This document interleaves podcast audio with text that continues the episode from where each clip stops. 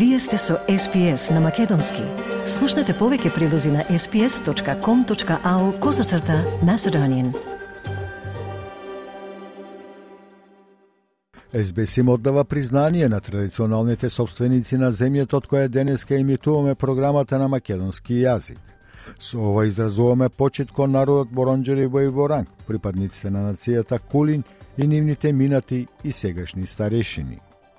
Признание исто така им оддаваме на традиционалните собственици на сите земји на абориджините народите на Торес Стрейт, од чија земја ја слушате нашата програма. Добар ден, денес четврток 10 август, со вас ке биде Васе Коцев. По генералната најава, почитувани, продолжуваме со најновите вести од Австралија и светот. Голем шумски пожар го упостошија Мауи на Хаваите и досега според извештаите има немалку 6 човечки жртви. Секако, тука се и најновите вести од Австралија. А за најновите настани во Македонија ќе слушнете во редовниот извештај веднаш по вестите. Од домашните австралијски прилози имаме и поопширен прилог за предстојниот референдум за тоа кој има право да гласа и која би било улогата на воведувањето на глас во парламентот. Кон крајот на програмата и разговор со Нове Младеновски, од кого ќе го слушнеме неговиот став за користење странски зборови во македонскиот јазик. Останете со нас, продолжуваме со најновите вести.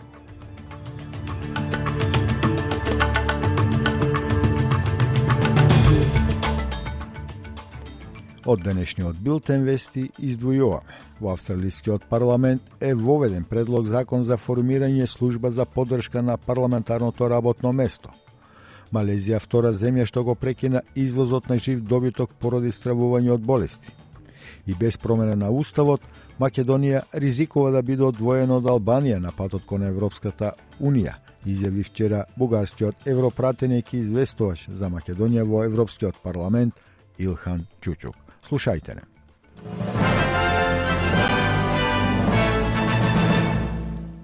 Федералната влада воведе предлог закон за формирање на служба за подршка на парламентарното работно место како независна законска агенција. Потегот е одговор на прегледот на Комисијата за човекови права од 2021 година во парламентарните работни места на Комонвелтот. Владата се обврза да ги имплементира сите 28 препораки од извештајот постави стандард од поранешната комесарка за полова дискриминација Кейт Дженкинс, нарачани по обвинението за силување на Британи Хигинс. Помошникот министер на прајминистерот Патри Горман вели дека доколку законот биде усвоен, вработените и пратениците ќе имаат независен ентитет за човечки ресурси. Today in the Parliament, I will introduce the Parliamentary Workplace Support Service Bill. That will ensure that we continue to lift the standard of this workplace, the Parliament of Australia, responding to the Jenkins Review, responding to the consultations that have been held by the Department of Prime Minister and Cabinet around the Members of Parliament Staff Act, making sure that we ensure that this workplace, this parliamentary workplace, does indeed set the standard of being a great workplace Коалицијата вели дека ќе ги блокира 60-дневните промени на федералната влада за издавање рецепти за лекови, освен ако не се согласат да преговараат и спроведат нов договор со аптеките во заедницата. Со измените на поевтините лекови објавени во буџетот на пациентите ќе им се овозможи наместо 30 дена да добиваат лекови 60 дена за иста цена за некои лекови. Опозицијската министерка за финансии Джен Хјум вели дека коалицијата поддржува поевтини лекови, но сака да ги заштити аптеките во заедницата од какви било негативни влијанија. Well, we support 60 day dispensing as a cost of living measure and we support cheaper medicines. But the problem is this policy may actually backfire and cost some of Australia's most vulnerable even more. We want to see the policy done right. That's why we want to see a new community pharmacy agreement negotiated uh, prior to 60 day dispensing coming in. We want to make sure that pharmacies are consulted Федералната влада вели дека тие се уште се посветени на промените во нивните поевтини лекови покрај тоа што коалицијата се заканува дека ќе го блокира во Сенатот. Министерот за здравство Марк Батлер вели дека промената нема да ги затвори аптеките во заедницата и ќе обезбеди олеснување на трошоците за живот. The choice uh, for the Senate today is really clear to back the powerful pharmacy lobby that's been blocking cheaper medicines for five years. Uh, when the medicines experts first recommended 60 day prescriptions for the price of a 30 day script, or to deliver cheaper medicines for 6 million Australians. Um, this won't just be a, a really important hip pocket measure for those 6 million Australians at a time of a global cost of living crisis. Прајминистерот Ентони Албанези ја брани одлуката на лобористите да го смени начинот на кој таа се однесува за израелските населби. Владата одлучи да го зајакне својот приговор за населбите со тоа што ќе потврди дека тие се незаконски според меѓународното право и представуваат значајна пречка за мирот. Тоа значи дека владата ќе ги нарекува западниот брег и Газа како, цитирам, окупирани палестински територии, затворен цитат. Ентони Албанези вели дека позицијата на Австралија е конзистентна со многу други земји. My government is a strong supporter of Israel and its right to exist within secure borders. We also support a two state solution that includes a Palestinian state. We believe that it is in the interests of both Israelis and Palestinians to have a settlement. Но еврејските групи ја критикуваа одлуката. Питер Вертхайм од изврш... извршниот совет на евреите во Австралија вели дека тоа е неточно, неисториско и контрапродуктивно. The effect is just to, to give um, support to the most extreme elements uh, in Palestinian society, and the result will be driving the parties even further apart rather than bringing them together. Малезија стана втората земја што го прекина извозот на живи говеда од Австралија поради стравувањето од појава на кожна заразна болест. Минатата недела Индонезија го запре извозот од четири австралиски капацитети во очекување на понатамошно тестирање на животни, откако кај мал број извезени говеда беше откриено дека се заболени со оваа болест. Австралија тврди дека е ослободена од високо заразната болест која може да има влијание врз економијата од 7 милиарди долари доколку се потврди. Водачот на Nations Дейвид Литлпраут рече дека е уверен дека Австралија нема случај на оваа болест и дека животните наместо тоа се заразиле со неа во Индонезија. Во интервју за Бъгнес, бугарскиот европратеник и известувач за Македонија во Европскиот парламент Илхан Кјучук уверува дека кон Македонија нема да има нови услови и додава дека опасноста Македонија да остане во група со земјите кои имаат отворени билатерални прашања како Србија, Косово и Босна и Херцеговина е реална. Според него, во Македонскиот парламент нема единство околу целта за влез во Европската Унија. Во меѓувреме владеачката СДСМ велат дека се трошат шансите што ВМРО ДПМН ги добива за да се приклучи во проевропскиот фронт, каде втор ден повикуваат опозицијата се приклучи на нивниот манифест за водење на преговорите со Брисел и побрзо да се донесат уставните измени. ВМРО ДПМН пак и натаму без променет став. Велат прво да го добијат манифестот, па потоа ќе одлучат дали е вреден за разгледување сметаат дека готов документ од власта не е национален консензус. Ова на пресконференција вчера во Скопје го соопшти нивниот портпарол Наум Стоилковски. Седнале, напишале документ, го подпишале документот, го даваат во јавноста и бараат негово прифаќање. Воопшто не мрднале ниту милиметар во насока на остварување на стратешките интереси на државата, покажуваат и одсуство на целосен капацитет за градење на консензус. Откако ВМРО ДПМН ќе го добие и официјално документот, ако има основа за разледување, ќе го изанализира и ќе излезе со свој став. Во шумските пожари на островот Мауи на Хаваите загина најмалку шест лица и предизвикана е голема штета на островот, принудувајќи некои луѓе да скокаат во океанот за да избегат од чадот и пламените јазици. Западната страна на островот беше речиси отсечена, а само еден автопат се уште беше отворен, бидејќи официјалните лица изјавија за широко распространато уништување, што се уште е рано да се види во какви размери е. Оваа туристка вели дека брзината на пожарот била нешто што не ја очекувала. I mean, just the fact that it was spreading so fast and we didn't really know what was going to happen. And then, of course, like losing your stuff and not really knowing you know, where you're going to go for the night. Luckily, I had someone that I could stay with. Um, it weren't for them, I don't know where I would have ended up. Um, it's just it's just scary to see a big wildfire just kind of coming your way, and it's not something I ever experienced before. Италијанскиот Црвен крст објави дека 41 лице се верува дека загинале откако брод со мигранти се превртал кај Тунис во немирно море по изјавите на четворица преживеани. Преживеаните пријавиле дека го напуштеле Тунис на метален брод со вкупно 45 луѓе на 3 август, кога огромен бран го превртел пловилото.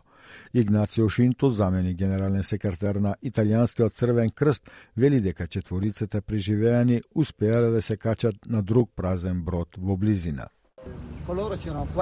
They say there were 45 people with them, three children.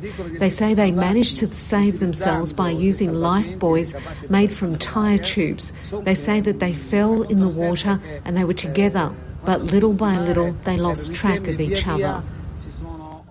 Меѓународната организација за миграција соопшти дека со оваа бродска несеќа бројот на исчезнати и загинати во централниот Медитеран, најактивна и најопасна миграцијска рута во светот, се искачи на повеќе од 1800 луѓе.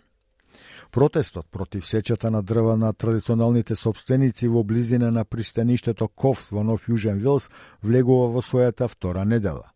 Луѓето од Гумбајгир велат дека областа што се евидентира во Нюри Стейт Форест содржи свети места и шумата е исто така издвоена како иден национален парк, дизајниран да ја заштити коалата. Анкл Микло Джарет вели дека областа што се евидентира има за цел да помогне во заштитата на загрозените видови. There was no consultation in the first place. There was no consent given in the first place. It's crazy, you know, that these people are still chopping down the trees while these koalas, who are our part of our family and totems, are on the verge of being extinct. И од спортот, Матилда се на само три победи до подигање на трофејот на светскиот куп за жени и потенцијално да ја донесат на Австралија државен празник. Но прво, австралиската репрезентација ќе мора да ја победи Франција во надпреворот кој се игра во сабота попладне со почеток од 17 часот. Матилдас предходно ја победи Франција во Мелбурн со 1 спрема 0 минатиот месец, благодарение на голот на Мери Фаулер во второто полувреме и тие секако ќе бараат повторување на овој резултат во престојниот викенд. Крилниот напаѓач на Матилдас, Кортни Вајн, вели дека имаат стратегија додека се подготвуваат да одат против тимот од светска класа. They commit forward quite a lot. Uh, they have fullbacks that are really aggressive and really good one on one dribblers. Um, but I think for us, we can expose them on the counter, and that's just part of our, our plan, I think.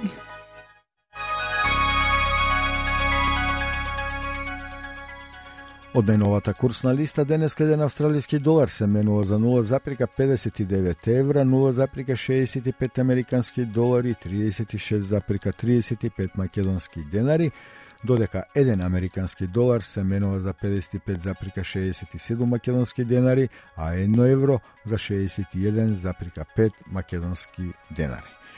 И временската прогноза за поголемите градови во Австралија утре петок, 11 август, делумно облачно со температура до 19 степени, Аделаид можни врнижи од до 15, Мелбурн облачно до 16 степени, Хобарт можни врнежи до 15, Камбера утрински мраз, потоа делумно облачно до 15 степени, Сиднеј сончево до 20 степени, Бризбен сончево до 27, претежно сончево и во Дарвин со температура до 32, а во Алекс Принс ќе биде исто така сончево, но со температура до 28 степени.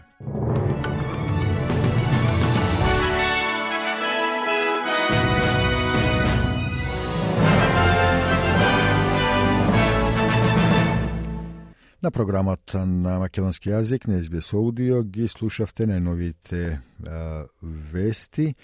А, вестите што предмалку ги слушавте, можете да ги најдете подоцна во текот на денот на нашата веб страница sbs.com.eu косацрта Macedonian, но и на Facebook SBS Macedonian. Следува првиот блок маркетинг, а по него и извештајот од Македонија. Со вас почитувани до крајот на програмата ќе остане Васе Коцев. Слушате СБС радио, програма на македонски јазик. Денес со вас е Васе Коцев.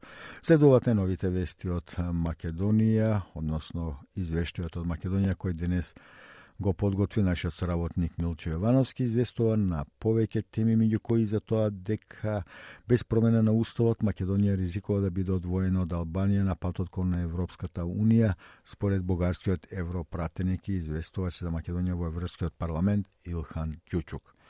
А македонскиот јазик е посебен словенски јазик како бугарскиот, хрватскиот, српскиот. Сегашните проблеми ќе се решат некако, а важно е дека македонскиот јазик постои и ќе продолжи да постои.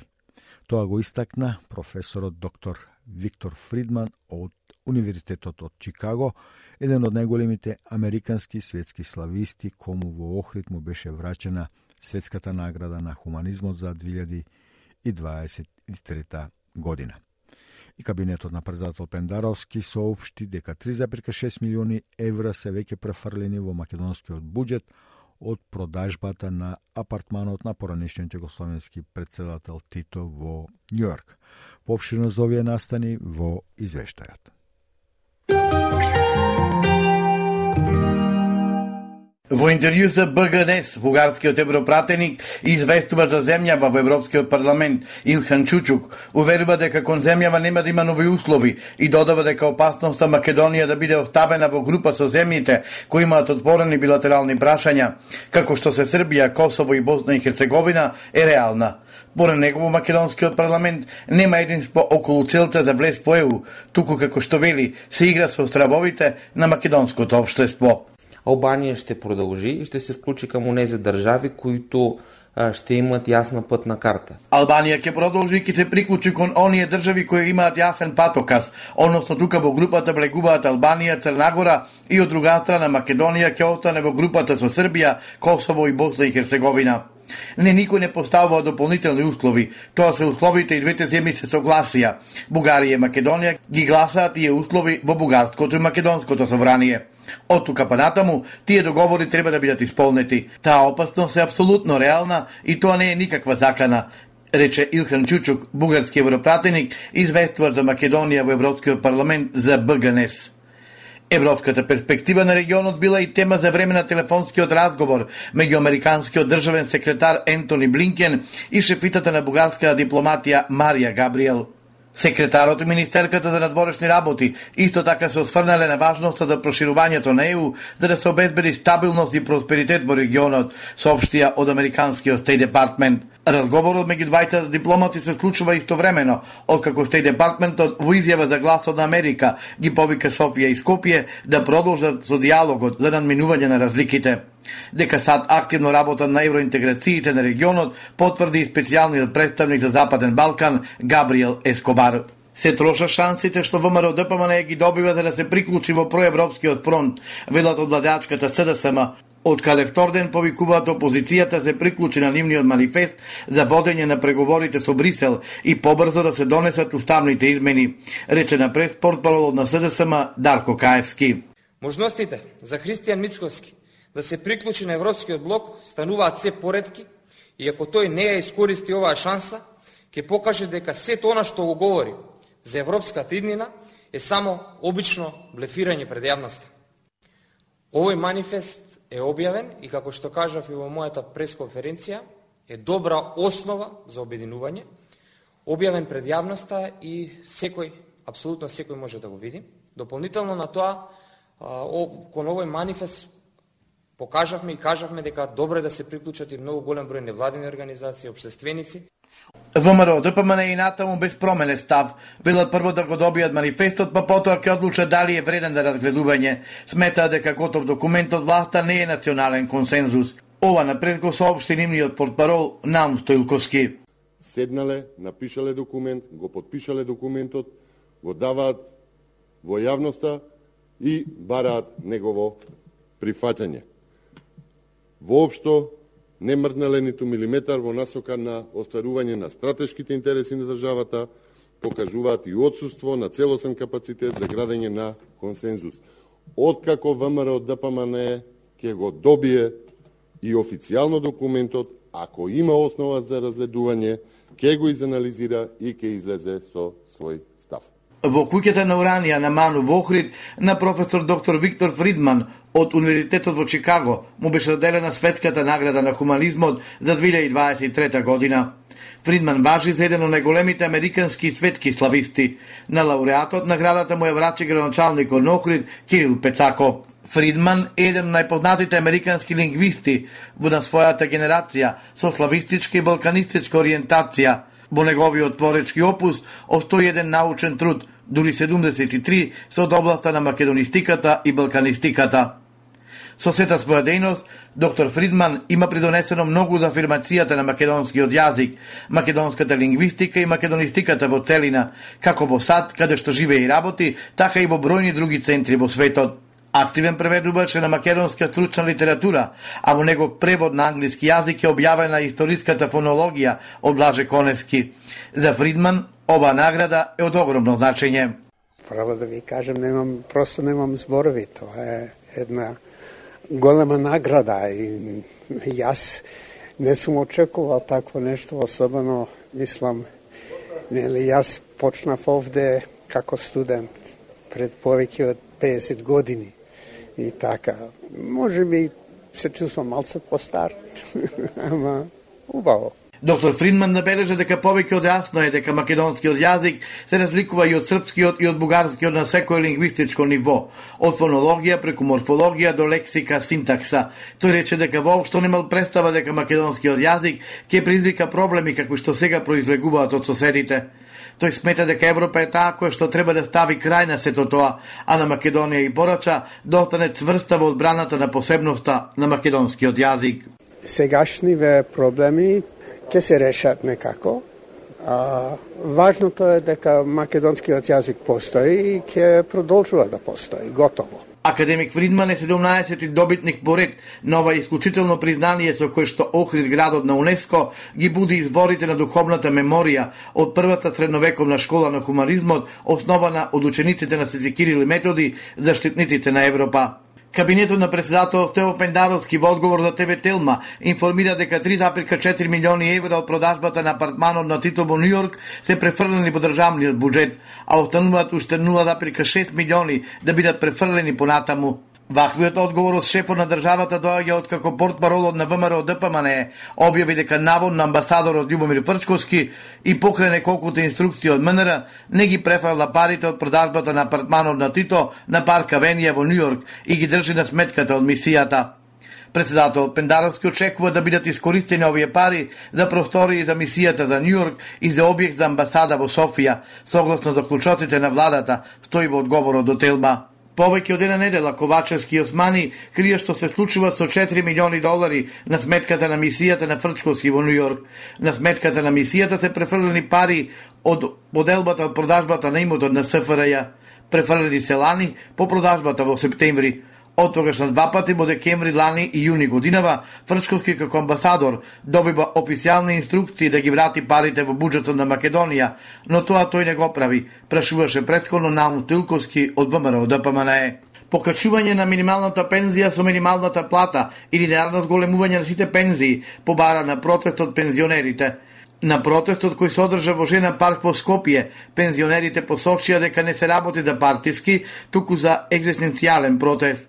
Поред нив, моменталната висина на пензиите не е доволна да пристоен живот. Поред новата методологија за пресметување на пензиите, во март просечната пензија се зголемила од 17.666 на 19.150 денари. Предходно деновиве, слични протести беа организирани речеси во сите поголеми градови низ Македонија. Пензионерката Судана Шков рече барање да се покачи минималната пензија обавезно и што поскоро. Значи висината на минималната пензија да биде во висина на минималната плата. И второто барање што е исто многу оправдано, да бидат покачувањата линеарни, да не бидат процентуални. За сите пензионери да бидат по 3500 денари на секое покачување како за најмалите пензии, така и за најголемите пензии. Нема зошто да има разлика. Министерството за труд и социјална политика ги демантира и отфрла тврдењата дека фондот за пензиско инвалидско осигурување е во криза и дека државата дотни со исплатите кон банките. Од ова министерство тврда дека во изминатите години нема ниту еден ден дотнање на исплатата на пензиите, а растот на истите е континуиран и јасно забележлив. Тие исто така тврдат и дека трансферите кон ПИОМ биле навремени и сигурни, дури и во време на COVID пандемијата, кога започна првата предвремена исплата на пензиите. Министерството за труд и социјална политика апелира да не се крира стравка и пензионерите и да не се манипулира со недостаток на информации кои го имаат, а се со цел да се обезбеди масовност на протестите кои според нив се политички обојни. Иван Антоновски, автор на расказот Ние имаме судбината на Јозефа К. под шифра Обид на македонистот, беше избран за најдобар на годинашниот конкурс Живко Чинго, распишан од страна на Обштина Охрид. Иван Антоновски е роден 1990 година, е писател, книжевен критичар, есеист и книжевен преведувач, асистент на катедрата за македонска книжевност и култура на Филолошкиот факултет Блаже Конески при УКИМ, автор на неколку книги со студии и есеи за современата македонска книжевност, поетски книги и книжевни преводи. Наградата за најдобар расказ ќе му биде доделена во рамки на манифестацијата вечер на Живко Чинго, што ќе се одржи на 13 август во неговото родно место Велгошти, крај Охрид. На програмата на македонски јазик на СБС радио го слушавте извештајот од Македонија. Денешниот извештај ќе можете да го најдете на нашата Facebook страница SBS Macedonian или нашата веб страница sbs.com.eu коса црта Macedonian. Секако тамо ќе најдете и други интервјуа, прилози и видеотипови на тема од поврзани со македонската заедница. Програмата ја продолжуваме со уште еден блок маркетинг, а потоа и со прилози на домашни австралијски тези, теми.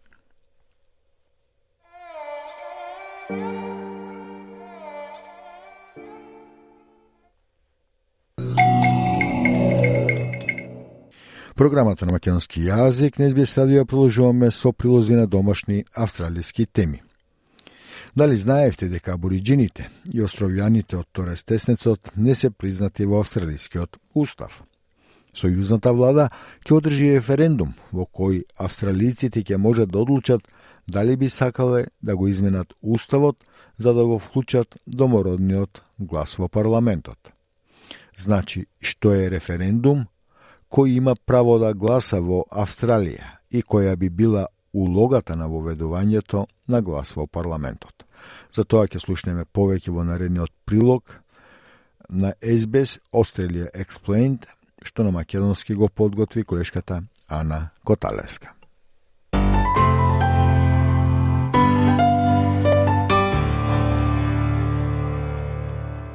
Сојузната влада бара од гласачите кои имаат право на глас да одлучат дали да го променат австралискиот устав, за да бидат признаени домородните народи преку представничко тело познато како глас во парламентот.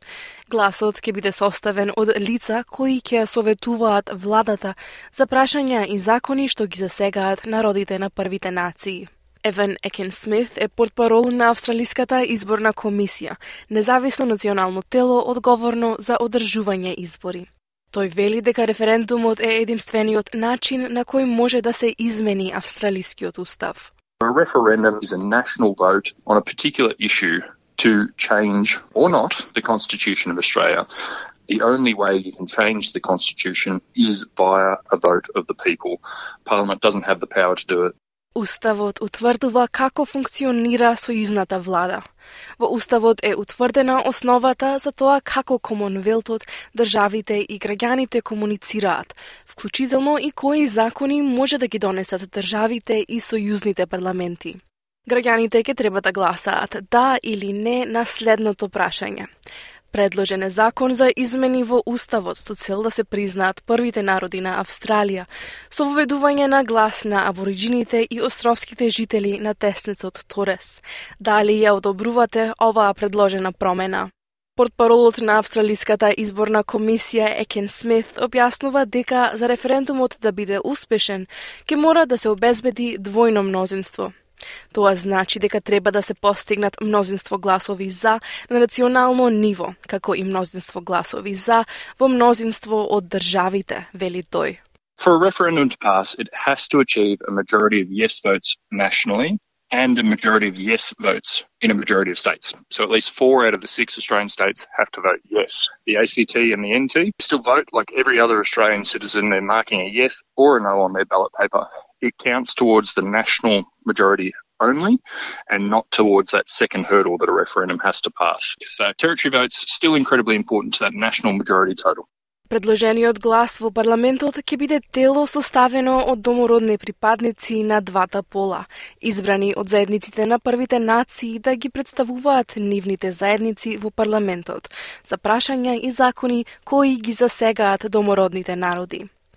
Советодавното тело нема да има моќ да донесува закони, да наметнува вето на одлуки или да доделува средства и парламентот ќе продолжи да функционира како и сега. Професорката Меген Дейвис потекнува од народот Кобл и е председателка на одделот за уставно право на Универзитетот во Нов Южен Велс. Таа беше дел од експертскиот панел за признавање на абориджините и островјаните од теснецот Торес во Уставот, кој го даде предлогот за глас во парламентот. Таа вели дека повеќе други земји успешно имплементирале слични модели. Според неа, за да се намали јазот кој постои меѓу домородните луѓе и другите австралици, од суштинско значење се консултации со нивни представници. This is a very common reform that's made to democratic systems around the world to ensure that the voices of Indigenous peoples are heard when governments make laws and policies about them. One of the reasons that we haven't been able to close the gap in disadvantage in Australia is because the government very rarely consults communities when they make laws and policies about them. Дейн Паркин потекнува од народот Кванда Мука и е директор на кампањата за внесување на глас во парламентот, наречена од срце. Тој верува дека гласот ќе помогне да се гарантира одреден степен на самоопределување за првите австралици бидејќи владите ќе мора да ги слушаат луѓето кои најдобро ги познаваат предизвиците со кои се соочуваат нивните заедници. It's about bringing the expertise of Aboriginal and Torres Strait Islander people to the table so parliaments and governments can make better laws and policies, get better outcomes on the ground. We see through the Closing the Gap reports, we hear the statistics year after year after year. And many Australians are actually frustrated that we're not seeing the changes that we want to see in our communities. Луѓето од првите нации на Австралија имаат различни политички ставови, а некои од нив не се согласуваат со предлогот за глас. Ова вклучува и истакнати домородни политичари. Либералната сенаторка на северната територија Джасинта Прайс и поранешниот лабористички лидер Уорн Мандин се дел од кампањата против гласот. Тие тврдат дека гласот во парламентот нема да помогне да се намали јазот кој постои помеѓу домородните и другите австралици. Како што се приближува референдумот, кампањите кои ги представуваат ставовите да и не, ќе презентираат различни аргументи за и против гласот. Портпаролот на изборната комисија Евен Екен Смит вели дека Австралиската изборна комисија развива информативна кампања за да информира повеќе од 17 милиони регистрирани австралиски гласачи. We'll have thousands of polling places available across the country on referendum day. Uh, there'll also be early voting centres available in the weeks leading up to it as well. So if you can't make it on the day, turn up in person to an early voting centre. We'll be facilitating overseas voting, the remote mobile polling. There'll be postal voting available as well for telephone voting for people who are blind. Во историјата на Австралија од Федерацијата во 1901 година, само 8 од 44 предлози за промена на Уставот биле успешни. Последниот референдум поврзан со домородни прашања беше одржан во 1967 година. Неговиот успех има возможи на првите народи да бидат признати како австралици според законот на Комонвелтот и да бидат вклучени во пописот. Во однос на тоа како да гласате на предстојниот референдум, едноставно ќе треба да ги напишете зборовите да или не на англиски јазик на гласачкото ливче. Пат Каланен е представник од Австралиската изворна комисија. Тој вели дека информации ќе бидат достапни на повеќе од 30 јазици на нивната веб страница, како и преведувачки услуги преку телефон. That we're going to have resources translated into over 30 culturally and linguistically diverse languages, and they're going to be available on our website um, and available in, in phone call interpreter services as well. Ако сте регистрирани да гласате на избори, ќе имате право да гласате и на референдумот. Тоа значи дека гласањето на референдумот е задолжително за австралиските граѓани. So you just have to be an Australian citizen. But we would encourage people that if you've moved or if you're not sure if your enrolment is up to date, you can check your enrolment at aec.gov.au and you can just check there to make sure that all your enrolment details are up to date.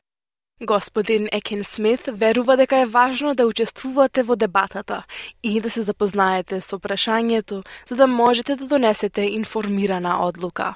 really think about the topic. That's what differs for a referendum.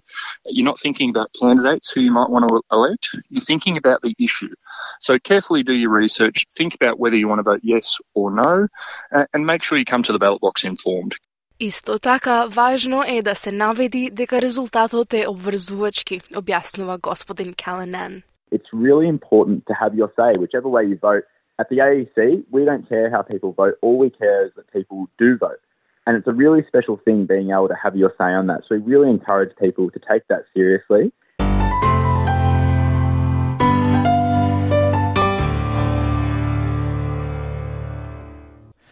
А новиот извештај на Австралиската стоматолошка асоциација покажува дека три четвртини од австралиците редко или никогаш не ги чистат забите со конец, додека секој петти четка само еднаш дневно.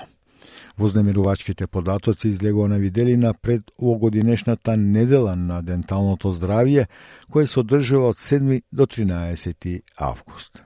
Прилогот за SBS News го подготви Алекс Анифантис, а на македонски го пренесо колешката Маргарита Василева.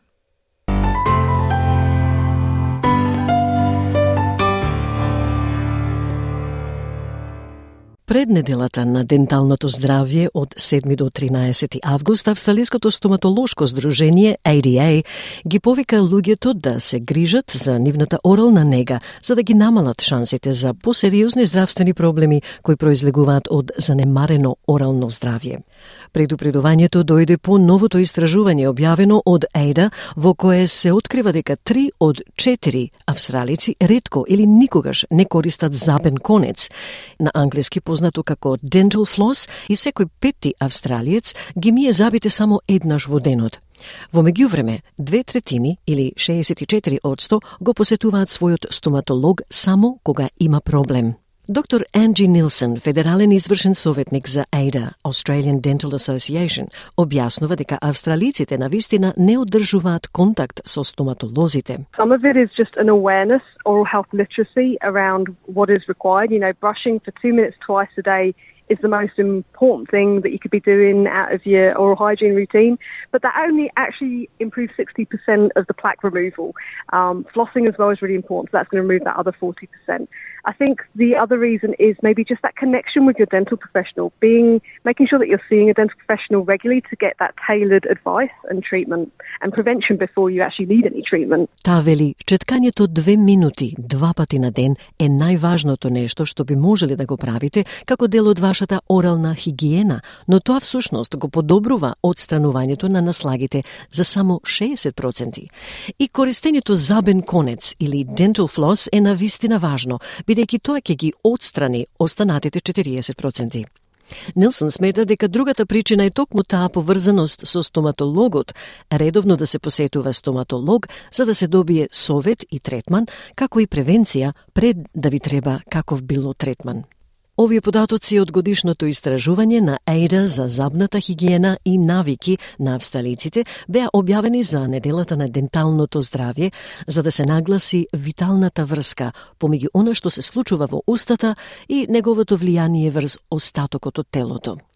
Неуспехот да се користи забен конец или dental floss и четка со препорачаните количини ги става тие австралици на брз пат кон лошо орално здравје, кое, ако не се лекува, може да придонесе за развој на сериозни здравствени проблеми, како што се кардиоваскуларни болести, диабетес тип 2 или дури и мозочен удар. Доктор Јанани Равичадран е обшт стоматолог за ЕЙДА. Таа објаснува како неуспехот да се грижите за вашата орална хигиена може да предизвика посериозни здравствени проблеми понатаму. Многу луѓе, вели таа, не се свесни дека устата е поврзана со остатокот од телото и тоа е главно преку голем број мали крвни садови. Занемарувањето на вашето орално здравје значи дека има голем број од овие лоши бактерии што го зголемуваат ризикот од развој на болести во устата и влошување на состојбите во остатокот од вашето тело. A lot of people aren't aware that the mouth is connected to the rest of the body. And it's mainly through a number of small blood vessels. And the bacteria can travel into the bloodstream and lodge into other regions of the body. Neglecting your oral health means that there is a larger number of these bad germs, increasing the risk of developing diseases in the mouth and worsening conditions in the rest of your body. Што се однесува до тоа зошто австралиците не ги следат препорачаните упатства, повеќето луѓе велат дека тоа едноставно е премногу непријатно. Председателот на ЕЙДА, доктор Стивен Лју, ги објаснува причините зошто луѓето не ги следат препораките. Тој вели голем број луѓе чувствуваат дека не треба или не сакаат да ги мијат забите почесто – 29% од луѓето велат дека миењето запи предизвикува болка и затоа го избегнуваат, што е загрижувачко, бидејќи ова може да укажува на основен проблем и всушност го влоши тој проблем. A large number of people feel that they don't need or want to brush their teeth more often. 29% of people say brushing their teeth causes pain and therefore avoid it, which is concerning, as this may indicate an underlying problem and actually make that problem worse. Сепак има и добри вести, бидејќи 53% од нас ги четкаат препорачаните два пати на ден, а мнозинството, 92%, користат паста за заби со флуор. Доктор Равичандран вели дека постојат лесни начини да се изгради добра дентална хигиенска рутина. Та вели не одзема премногу време од денот за да започнете да се грижите за устата. Ви требаат само 6 минути за да четкате два пати и еднаш да користите конец за заби, dental floss. Се препорачува да користите мека четка за заби со големина на грашок, количество паста за заби со флуор. Завртете ја четката кон непцата и користете мали тркалезни движења на сите површини на забите. Одличен совет е да се измие со конец пред четкање, за да може полесно флуоридот во пастата да влезе меѓу забите и да биде ефективен. Ако немате пристап до четка за заби после јадење, тогаш исплакнете ја устата со вода од чешма.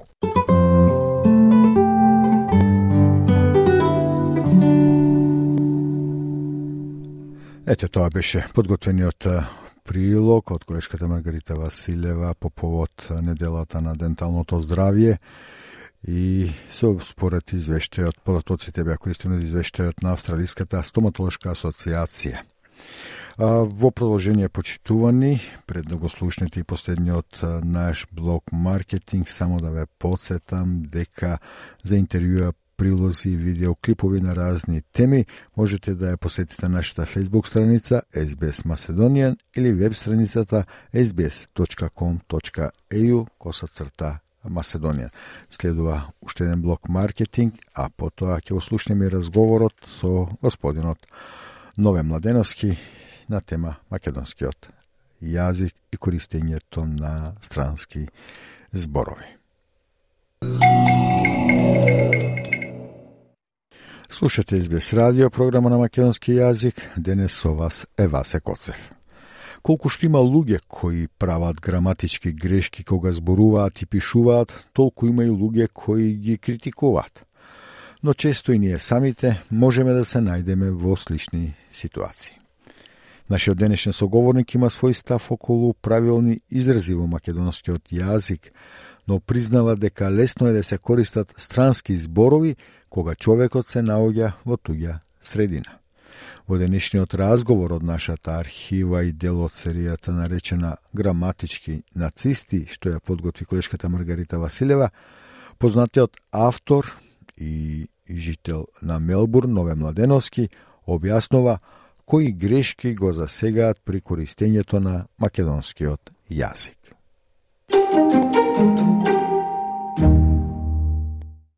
англичаните понекогаш да речеме овие други народи се доста толерантни, они го разбираат тоа и никој не ви прави проблем со тоа. А што правите во однос на комуникацијата?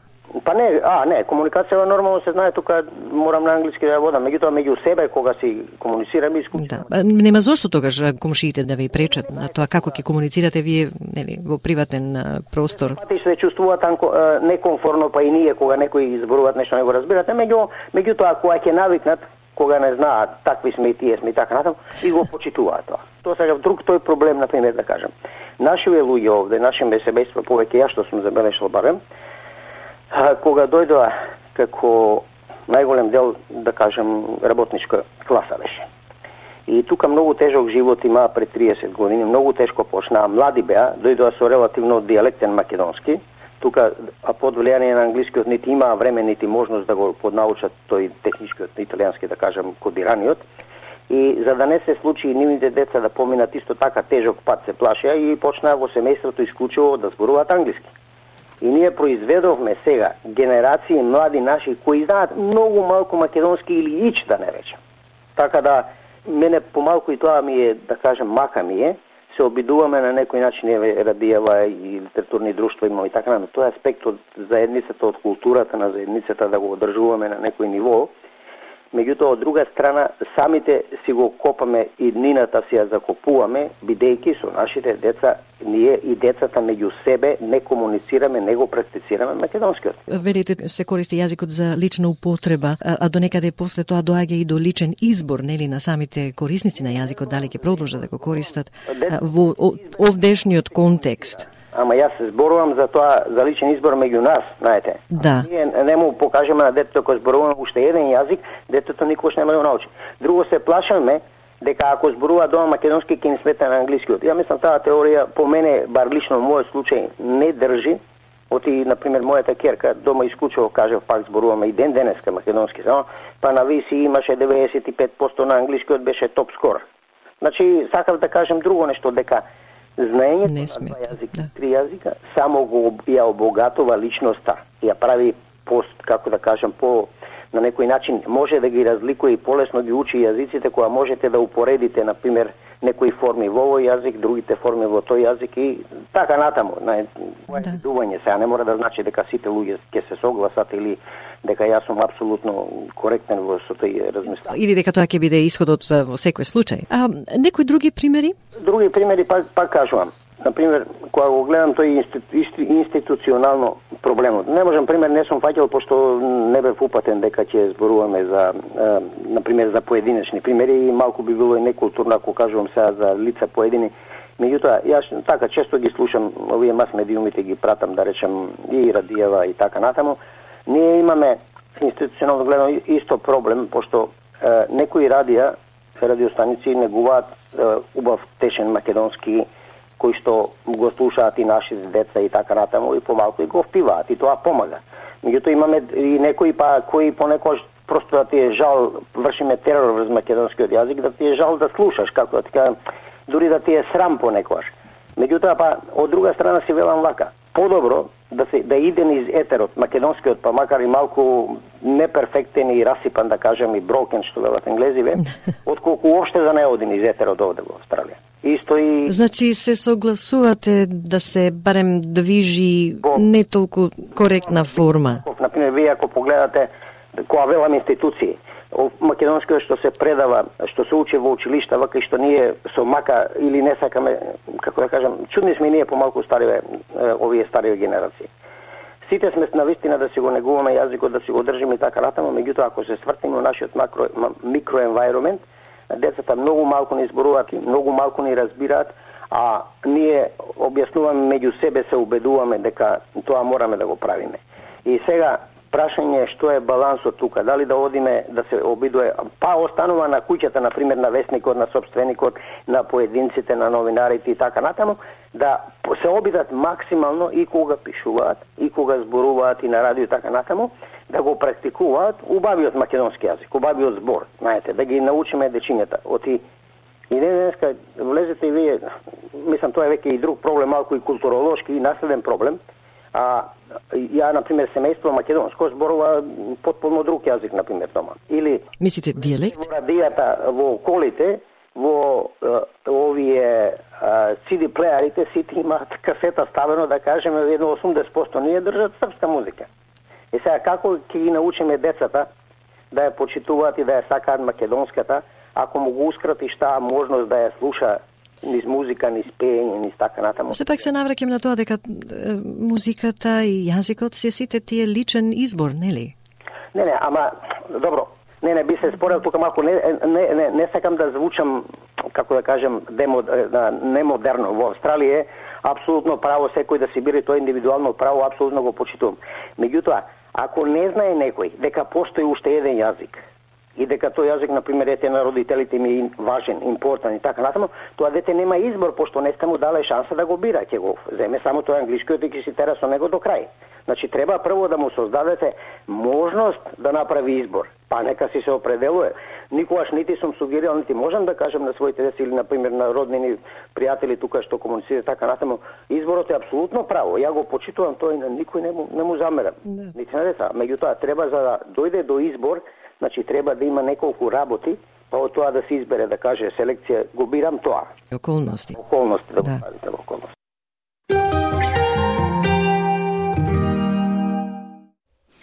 Ете, почитувани, тоа беше разговорот од нашата архива со познатиот автор, а, а, писател Нове Младеновски од Мелбурн, со кого разговараше колешката Маргарита Василева на тема за македонскиот јазик. Ги слушнавме размислувањата на господинот Нове Младеновски. Со тоа, почитувани, полека и стигнавме до крајот на денешнава програма.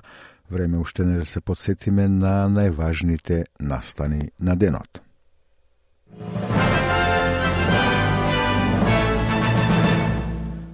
Во парламентот на Австралија е воведен предлог законот за формирање служба за поддршка на парламентарното работно место.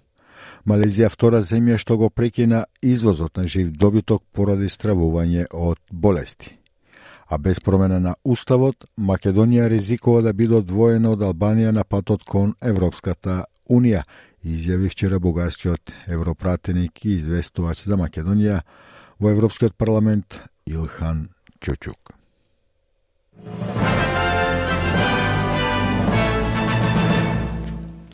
И пред да се одјавим почитувани, уште неш да ве подсетам дека за сите интервјуа, прилози, видеоклипови на разни теми, можете да ја посетите нашата Facebook страница SBS Macedonian или веб страницата sbs.com.eu коса црта Macedonian, а SBS на Македонски преко радио можете да слушате секој ден од понеделник до петок онлайн и на мобиле. Денес со вас беше Васе Коцев, ви благодарам за вниманието, ви посакувам пријатно попладне и бидете повторно на со SBS радио на Македонски утре петок точно на пладне. Стиснете, ми се допаѓа, споделете, коментирајте. Следете ја SPS на Македонски на Facebook.